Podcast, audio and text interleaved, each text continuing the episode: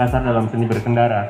Kalau sama-sama tahu seni berkendara itu kan agak luas ya karena masuknya dalam berkesenian. Dalam media juga ada yang namanya seni, tapi dalam berkendara ini loh lebih ke mananya sih? Cara ngebutnya kah? Atau mungkin cara cara memodif motornya kah? Dalam maksud arti seninya ini lebih ke mana nih? Eh, om-om yang paham mungkin tentang Vespa atau Vespa itu merupakan seni juga sebenarnya. Oh pasti. Nah oke, ini eh, yang pertama ya, buat saya memang Vespa itu sebuah karya seni sebenarnya.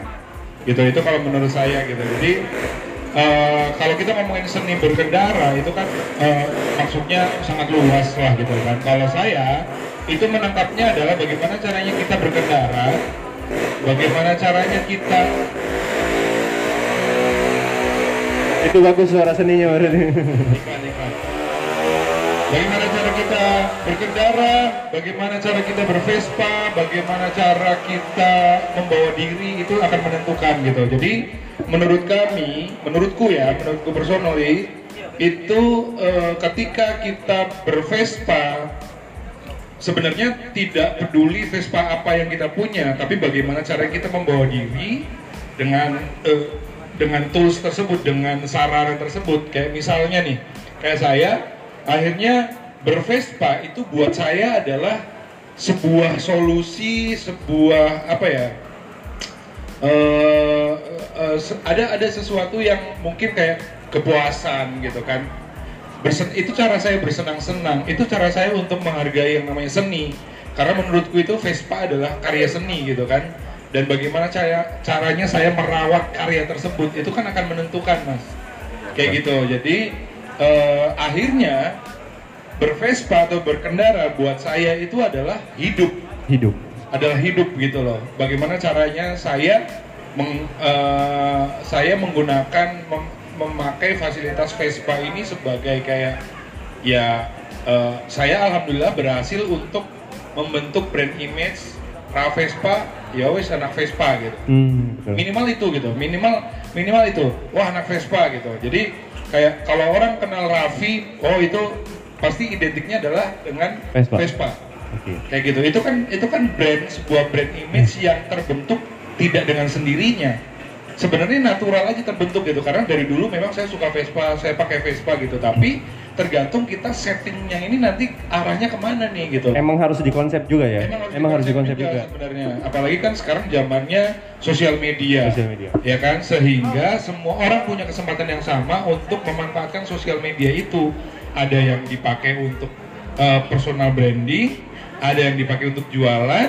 ada yang dipakai untuk jualan ya kan Dua orang jualan di sini berarti ya. Ah, gitu loh tapi uh, uh, ada pakai untuk jualan ada juga teman-teman komunitas juga untuk dipakai untuk cari spare part Oh, cari unit oke, cari unit jadi ya. kan kita kan saling membutuhkan sebenarnya Betul betul betul. Ah, jadi secara ekonomi pun hidup begitu loh mas, ya kan? Jadi tidak hanya Vespanya saja, tapi juga senang-senangnya iya, terus eh, cuannya juga dapet gitu gitu. Iya. Itu eh, sistem itu, eh, ekosistem itu yang mestinya kita jaga. Iya. Kira-kira Jadi itu. banyak kesenian dalamnya seni berdagangnya. Ada juga di Vespa ya. Kalau misalkan kita ngobrolin biasanya kan anak Vespa itu identik dengan makin jadul Vespanya, makin pede dia ini. Apakah itu stigma seperti itu akan berubah kan nanti? Maksudnya ya ya nggak apa-apa. Saya Vespanya tahun 2003-an misalkan atau Vespa baru misalkan, tapi masih nimbrung juga sama Vespa lama.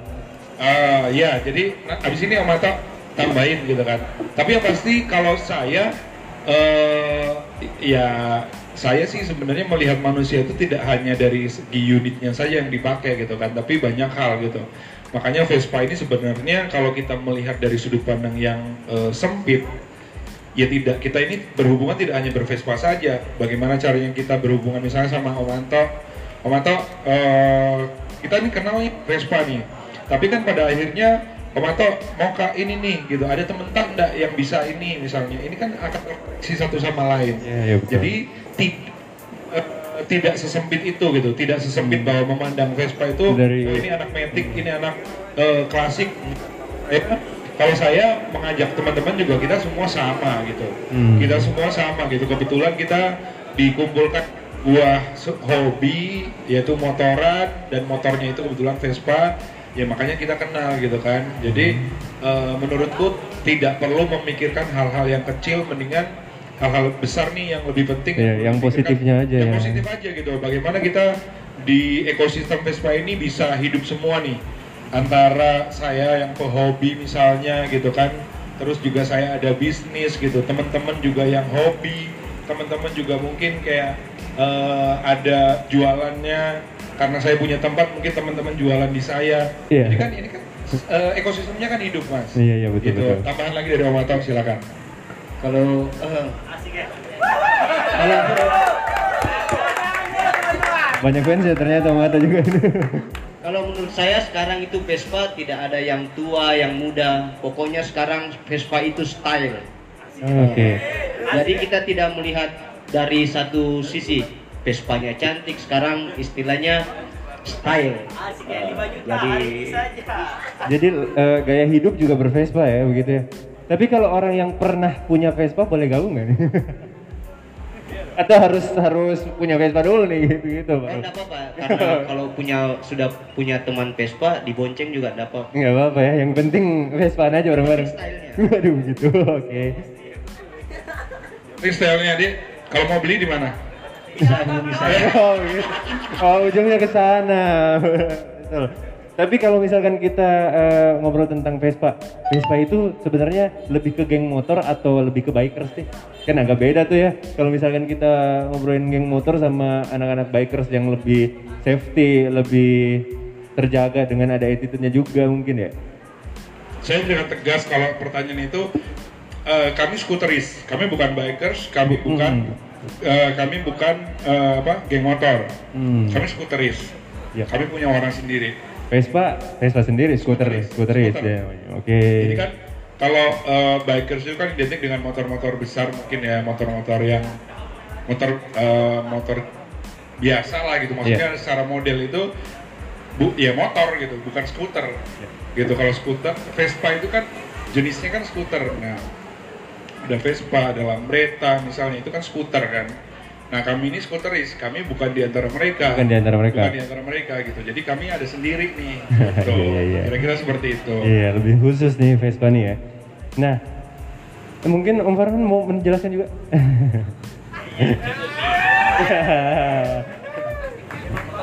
Ya, ya mungkin kalau sedikit pertanyaan tentang eh, hiruk pikuk eh, berkendara di Makassar itu sekarang kan sama zaman dulu mungkin Makassar tidak terlalu padat ya. Kalau untuk kita berkendara mungkin motoran atau scootering di Makassar mungkin masih lebih enak rombongan itu. Sekarang gimana nih menurut eh, abang-abang yang ada di sini eh, baiknya eh, ber berskuter itu seperti apa sih? Apakah dengan konten yang matang atau mungkin dengan eh, kita lebih condong liatin eh, apa ya? Kayak ke lalu lintasnya atau ada keresahan-keresahan lain mungkin ah Makassar udah padat banget nih ngapain ah nanti kita ke Jawa aja skuternya gitu gimana Baiklah, kalau dari ini eh, anak-anak sekalian kan eh, kalau eh, sore atau mungkin pagi kan agak macet.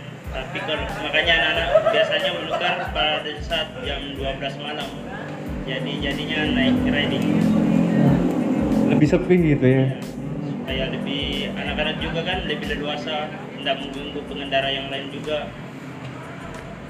Jadi untuk kreditnya gitu kan. Terus kalau kalau eh, pertanyaannya adalah tadi soal ba- bagusnya bagaimana? Sebenarnya semuanya bagus gitu kan. Sebenarnya semuanya bagus. Maksudnya eh, teman-teman ini tergantung pilihan aja sebenarnya. Karena sekarang ini kan sangat luas gitu. Lu mau berkomunitas silakan. Tidak berkomunitas juga silakan gitu kan. Dan eh, menurutku apa ya yang paling penting adalah kita eh, jadi jadi diri sendiri aja sih gitu. Maksudnya kan kadang-kadang kan kita kita eh, bervespa cuman karena cuman ikutan saja gitu ya. Itu sih nggak salah gitu cuman ya ya udah gitu. Mau berkomunitas mau jalan sendiri gitu. Yang penting selama menurutku ya selama lu nggak nyolong nakal boleh gitu tapi jangan jahat gitu kan jangan. jangan ya kan? Jahat jangan. Nakal boleh jahat jangan kayak Iya, betul, gitu. betul. ya kayak gitu gitulah gitu. Maksudnya kita eh, bervespa itu nanti akan menemukan sendiri kok. Yang paling poin penting adalah gini.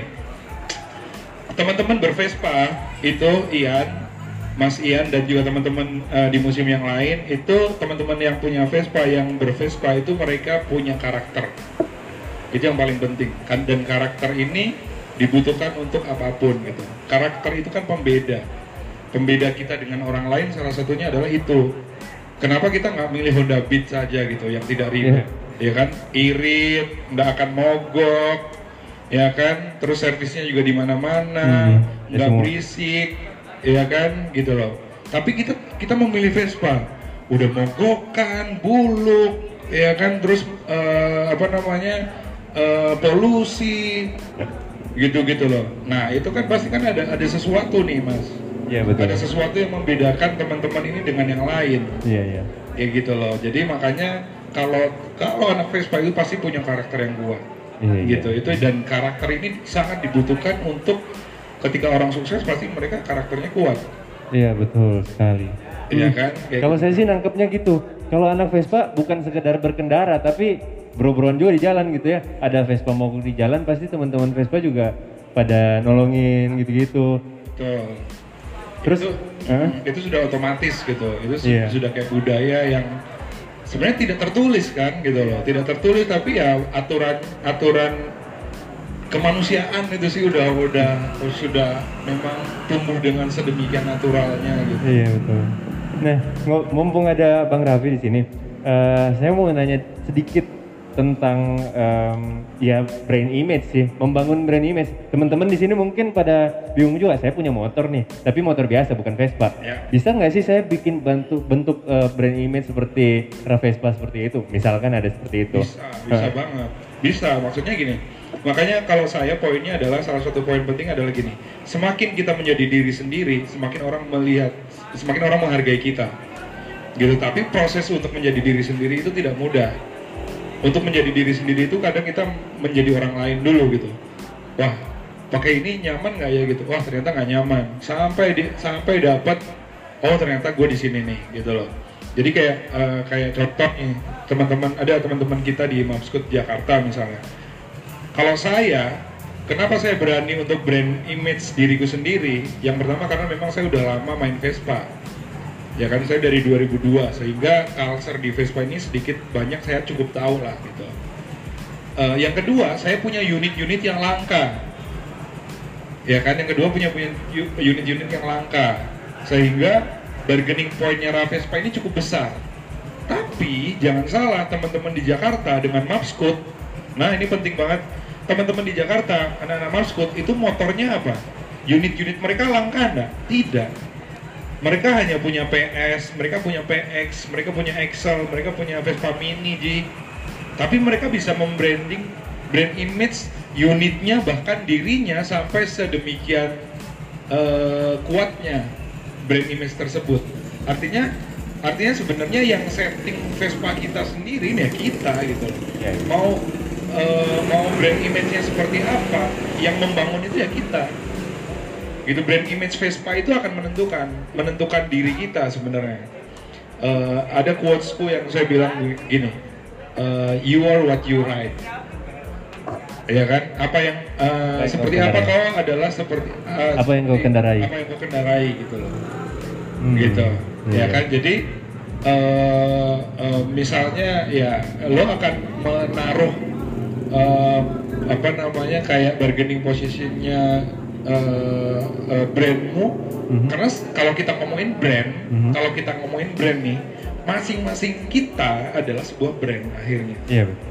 ya kan Setuju, sih. Omato ini brandnya ya pedagang misalnya ya udah gitu pedagang Vespa ya kan ya udah yang kebentuk kan begitu Iya. Raffi ini ya anak Vespa gitu yang suka main ke mana ke mana ya udah begitu gitu Nah, gitu itu kan maksudnya kan akhirnya Farhan eh, jual spare part gitu Playboy nah itu brandnya dia Oh itu brandnya dia. Iya. Hati-hati loh ya cewek-cewek yang di sini. misalnya contoh itu contoh gitu gitu kan jadi ada tambahan Pak dan akhirnya kita eh, terbiasa melakukan hal itu, kebiasaan itu dan orang-orang labelin kita juga ya. Betul, Jadinya pasti. begitu. Uh, artinya gini, ini kan eh, eh, apa namanya kayak kayak brand image itu kan terbentuk tidak hanya sehari dua hari ya. Misalnya nih, misalnya saya pakai Vespa kuning dalam waktu 2 tahun. Pokoknya saya pakai terus Vespa kuning itu saya foto, saya bikin konten bla bla bla bla bla. Dalam waktu 2 tahun menjelaskan detail mengenai Vespa kuning yang saya pakai gitu. Pasti orang-orang akan terbranding bahwa eh, Raffi ini identik Vespa kuning. Vespa kuning. Iya, Let's say begitu kan? Ya. gitu dan dan saya ini kenapa akhirnya saya berani untuk membuat brand image Ravespa sem- sedemikian kuatnya karena tidak hanya saya sendiri nih yang suka Vespa tapi unit saya pun memang langka gitu loh makanya saya Hmm. berani untuk uh, pol-polan gitu Hmm. membangun brand image di skuter di Indonesia Iya. kira-kira begitu kita pengen ada Bisa ada teman-teman yang mau ngobrol mau tanya Iya mau nanya gitu-gitu. atau apa juga nggak apa-apa boleh. bebas Sekitar bebas, bebas, Vespa bebas. bebas aja. Ada mic-nya. bebas gas saja ya mau tanya sama Farhan boleh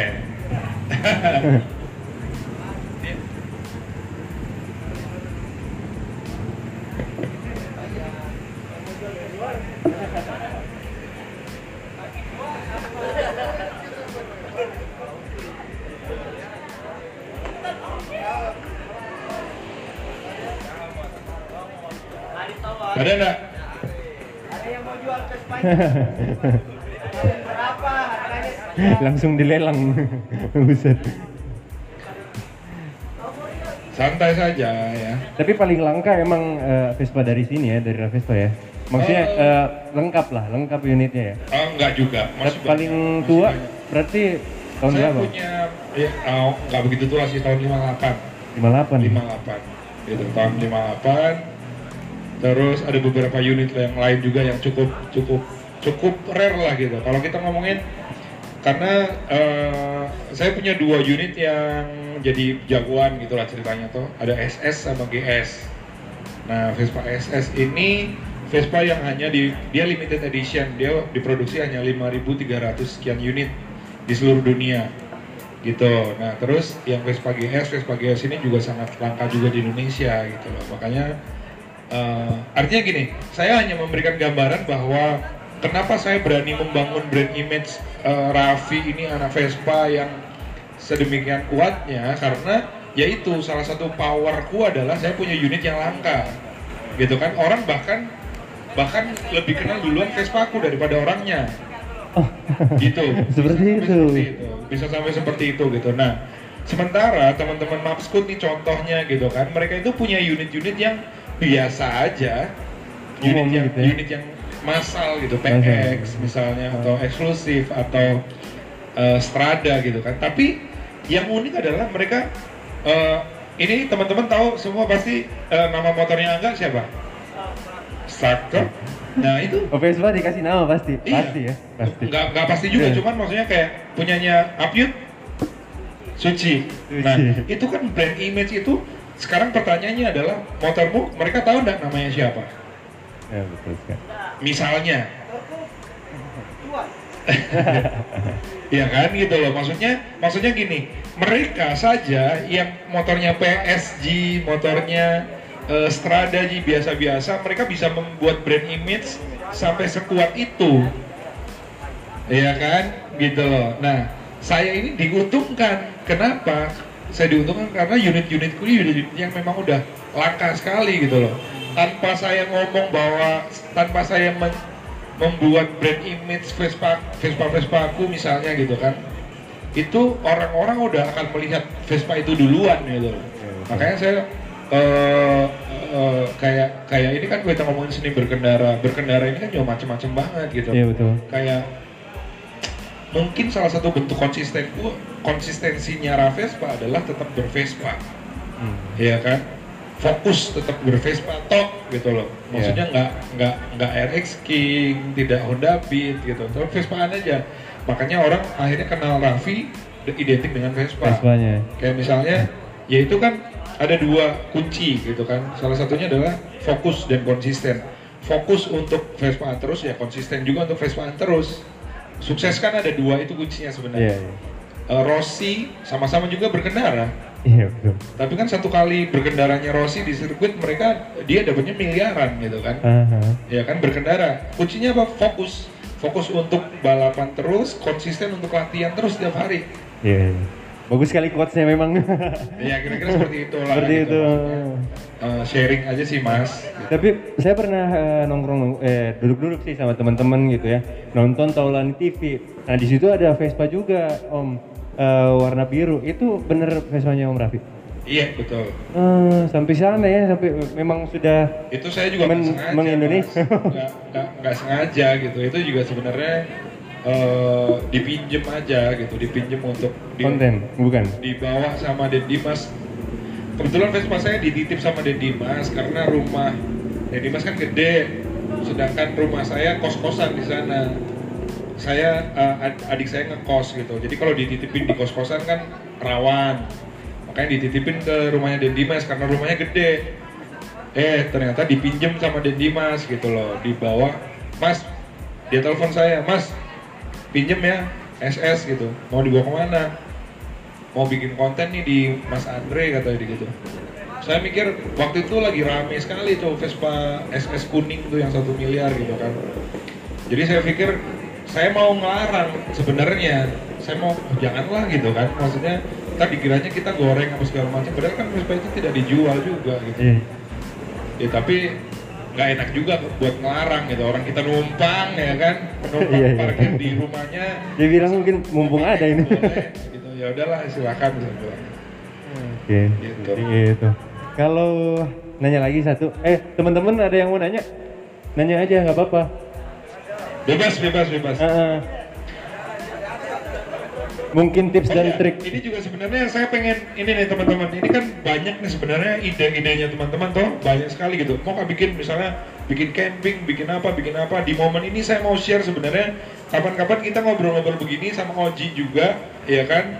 Eh, sama teman-teman SSR Visio, kita pengen bikin kayak eh, workshop untuk kita bikin proposal nih gitu. Ini kan ide kan banyak sekali. Mau kak bikin ini, mau kak bikin event ini, bikin event ini, tapi cuman di kepala Ji. Cuman cerita itu terus dari tahun tahun kapan cerita terus gitu. Eksekusinya nggak ada gitu. Kenapa? Karena eh, stepnya, stepnya ini teman-teman ini mungkin kurang kurang paham gitu loh. Makanya nanti kapan-kapan kita akan bikin workshop untuk kita bikin proposal yuk gitu. Ide supaya bisa dieksekusi itu kan dituangkan ke proposal dulu proposal ini baru di eh, sajikan ke orang-orang yang eh, Ditawarkan ke berpotensial untuk sponsor. membantu Hmm, gitu betul sekali. kira-kira kayak gitu ya Iya harus ada begitu itu.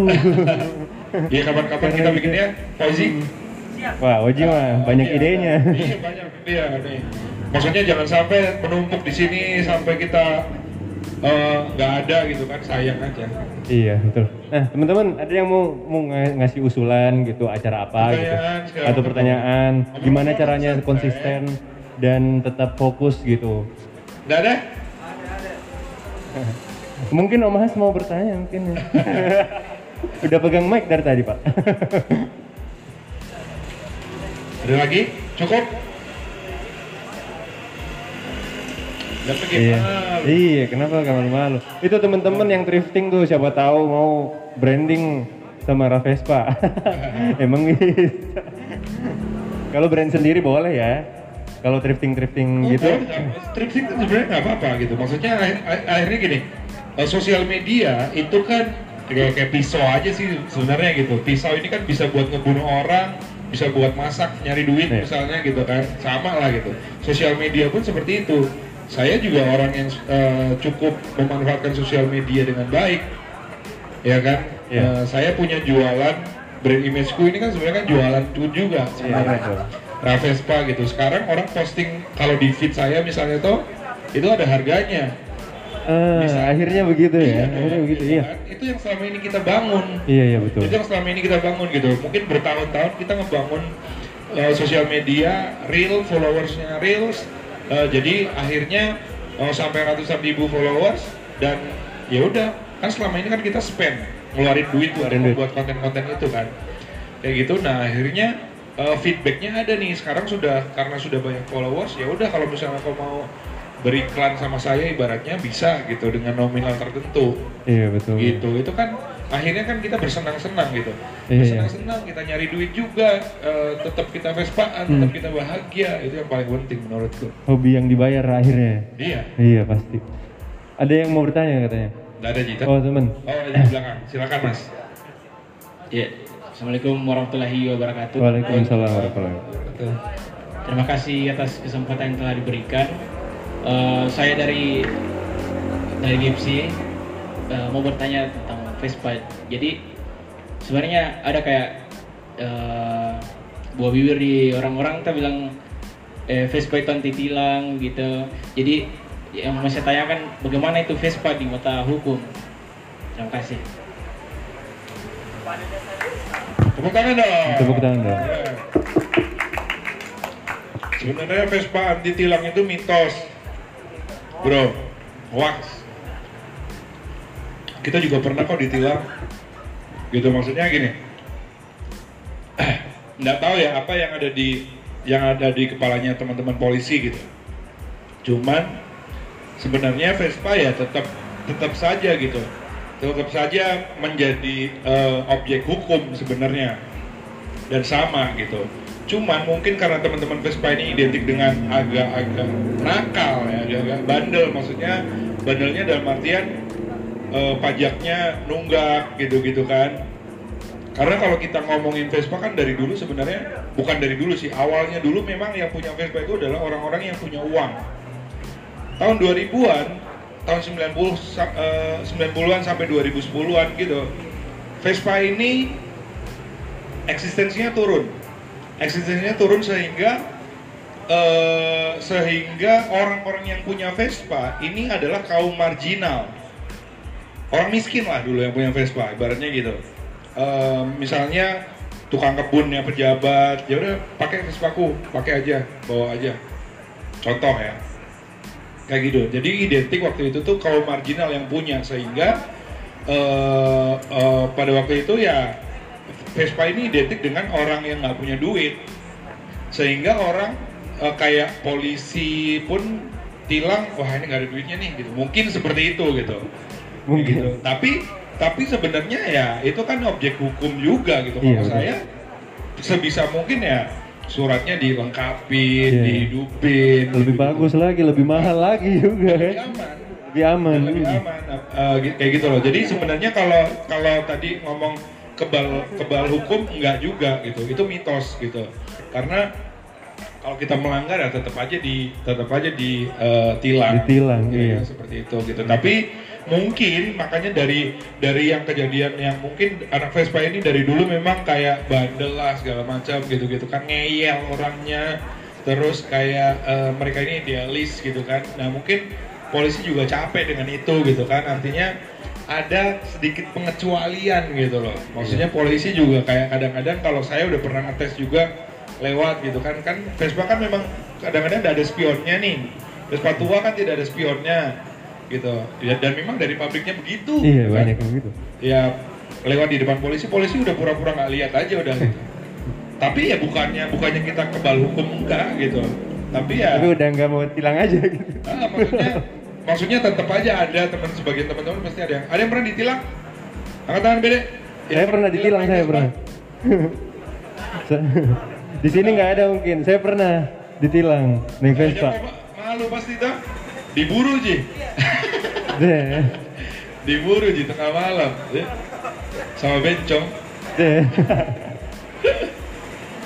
Seperti itu. Ada lagi yang mau tanya? Ada lagi silakan Eh, baik, terima kasih. Eh, nama saya Rifki. Mau bertanya mengenai kan Vespa sudah masuk ke dalam ranah bisnis. Mengapa Vespa jadul itu semakin jadul Vespa tersebut semakin mahal harganya? Begitu. Terima kasih. Ya, terima kasih ada Rifki. Ya, yang, yang pedagang yang jawab, yang jawab ya. jawab. Nah, kembali yang tadi Vespa ditilang sebaiknya kalian punya surat harganya bisa lebih tinggi. Jadi lengkapi suratnya harganya bisa tinggi. Ya saya jawab adik Rifki. Jadi kalau Vespa tua itu tidak ada rit harga, ya kan? Jadi orang orang yang mau jual Vespanya di tahun tua itu tidak tidak menutup kemungkinan harganya tinggi. Dan kedua itu kondisi. Pertama kan banyak pembeli yang melihat dari kondisi. Terus part di dalamnya kebanyakan original. Nah, gitu. Jadi ada tahun yang sama, harga yang berbeda. Nah, jadi kalau Vespanya di tahun 62 sama, original sama. Tapi part di dalam sudah ada yang kurang. Mungkin eh, 62 yang satu ini harganya bisa sampai 50. Terus kok kenapa sama harganya 30? Jadi ada nilai plus di dalamnya. Eh, jadi teman-teman yang mau jual motor ke Jakarta atau ke mana pun kalian harus punya itu. Jadi motormu apa kelebihannya? Pertama suratnya lengkap, jalan pajak tahunnya 62. Ah itu bisa sampai 60 juta. Di saya bisa saya ambil 50 juta gitu. jadi cuannya bisa lebih tinggi. Eh, jadi ada juga tahun 62 harganya 30 juta. Tapi dia partnya originalnya kurang. Jadi mungkin harganya 30. Penawaran saya bisa jadi 25 gitu. Eh, gitu. Jadi ada kelebihannya. Jadi kalau di postingan orang jual motor itu 15 juta, saya pikir tidak worth it lah karena tidak ada kelebihannya. Terus motornya motor rakyat. Motor rakyat itu motor banyak, banyak pemiliknya yang modelnya seperti itu. Jadi kalau posting sesuatu itu usahakan ada kelebihannya motornya. Jadi original, original semua isi dalam original, surat suratnya lengkap, itu bisa tawarkan ke saya, oke? Nah, Langsung sama ya. tahu teman-teman butuh sharing harga. Om Ato, ada motorku begini tahun segini. Oh, taksiranku segini. Mau tidak? Kalau mau ya kita lempar gitu. Oke, thank you. Ya, terima kasih ya Wanto. Tambahan ya, jadi tadi pertanyaannya eh, kalau dari versi saya, nah tadi versinya Wanto, kalau saya kenapa sih Vespa semakin tua semakin mahal? Eh, jadi itu teori pertama ya, maksudnya pandangan orang itu semakin tua semakin mahal, betul. Tapi tidak hanya eh, tidak hanya point of view itu, tidak ada tidak hanya sudut pandang bahwa semakin tua semakin mahal. Itu sudut pandang pertama, betul betul.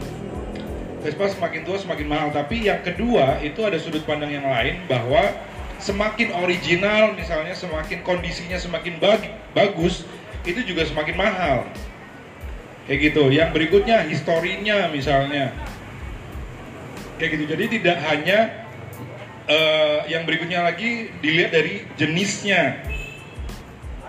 Ya kan? Jadi tidak hanya umurnya saja. Sudut pandang pertama, umur tua semakin tua semakin mahal, betul. Yang kedua, semakin original, kondisinya semakin bagus, unitnya apa saja nih? Betul juga. Misalnya toh, Excel, saya pernah dapat Excel harga 80 juta misalnya. Kenapa? Karena mungkin baru jalan berapa kilometer. Ya kan, contoh kayak VBB, tadi Om Ato bilang 60 juta, saya pernah dapat VBB harganya 250 juta. Gitu, kenapa? Karena tidak pernah jalan nih. Dari beli tahun 62 sampai hari ini tidak pernah diisi bensin misalnya kan ya kan gitu loh. Jadi ada kelebihannya gitu. Itu itu kondisi. Yang berikutnya mungkin his- sejarah histori. Mungkin SS ku eh, Vespa SS yang saya punya misalnya gitu kan. Karena dia punyanya eh, atas nama gubernur dulu ya itu mungkin bisa jadi lebih mahal. Kayak gitu. Itu dari segi sejarah. Ya kan? Terus eh eh, adalah beberapa sudut pandang. Jadi tidak dari dari yang terakhir dari segi eh, jenisnya. Nah jenisnya. Jenis mungkin sama-sama restorasi nih VBB sama SS180 misalnya gitu kan. Pasti lebih mahal SS180 karena lebih langka. Kayak gitu. Jadi tidak hanya melihat harga itu tidak hanya dari tuanya saja. Kira-kira seperti itu. Ya jadi begitu bro. Jadi bukan semakin tua semakin langka, tapi semakin di depan itu ya mahal. Ya. ya mungkin cukup ya. Ya ngobrol-ngobrolnya kayak kayak gini kayak teman-teman juga mau melanjutkan eh, aktivitas yang menikmati musik dan apa. Tapi ada ada nggak sih eh, quotes deh. Om ini kayaknya suka quotes. Terakhir ya buat teman-teman yang di sini tadi udah fokus dan tetap konsisten. Ada lagi nggak om? Baru kita tutup dan sambil rame-rame. Eh, cek cek apa nih tetap bervespa tetap bahagia lah. Mantap. Tetap bervespa tetap bahagia karena ada Vespa ada cerita. Mantap. Ya terima kasih banyak Om Raffi untuk malam ini. Ah, saya Ian Ratmo juga pamit dulu dan mungkin ada Ada cuan. Jadi eh, kalau Hello everyone, self-introduction, talking touch, sharing session with Ravespa. Hello everyone, self-introduction, talking touch, sharing session with Ravespa.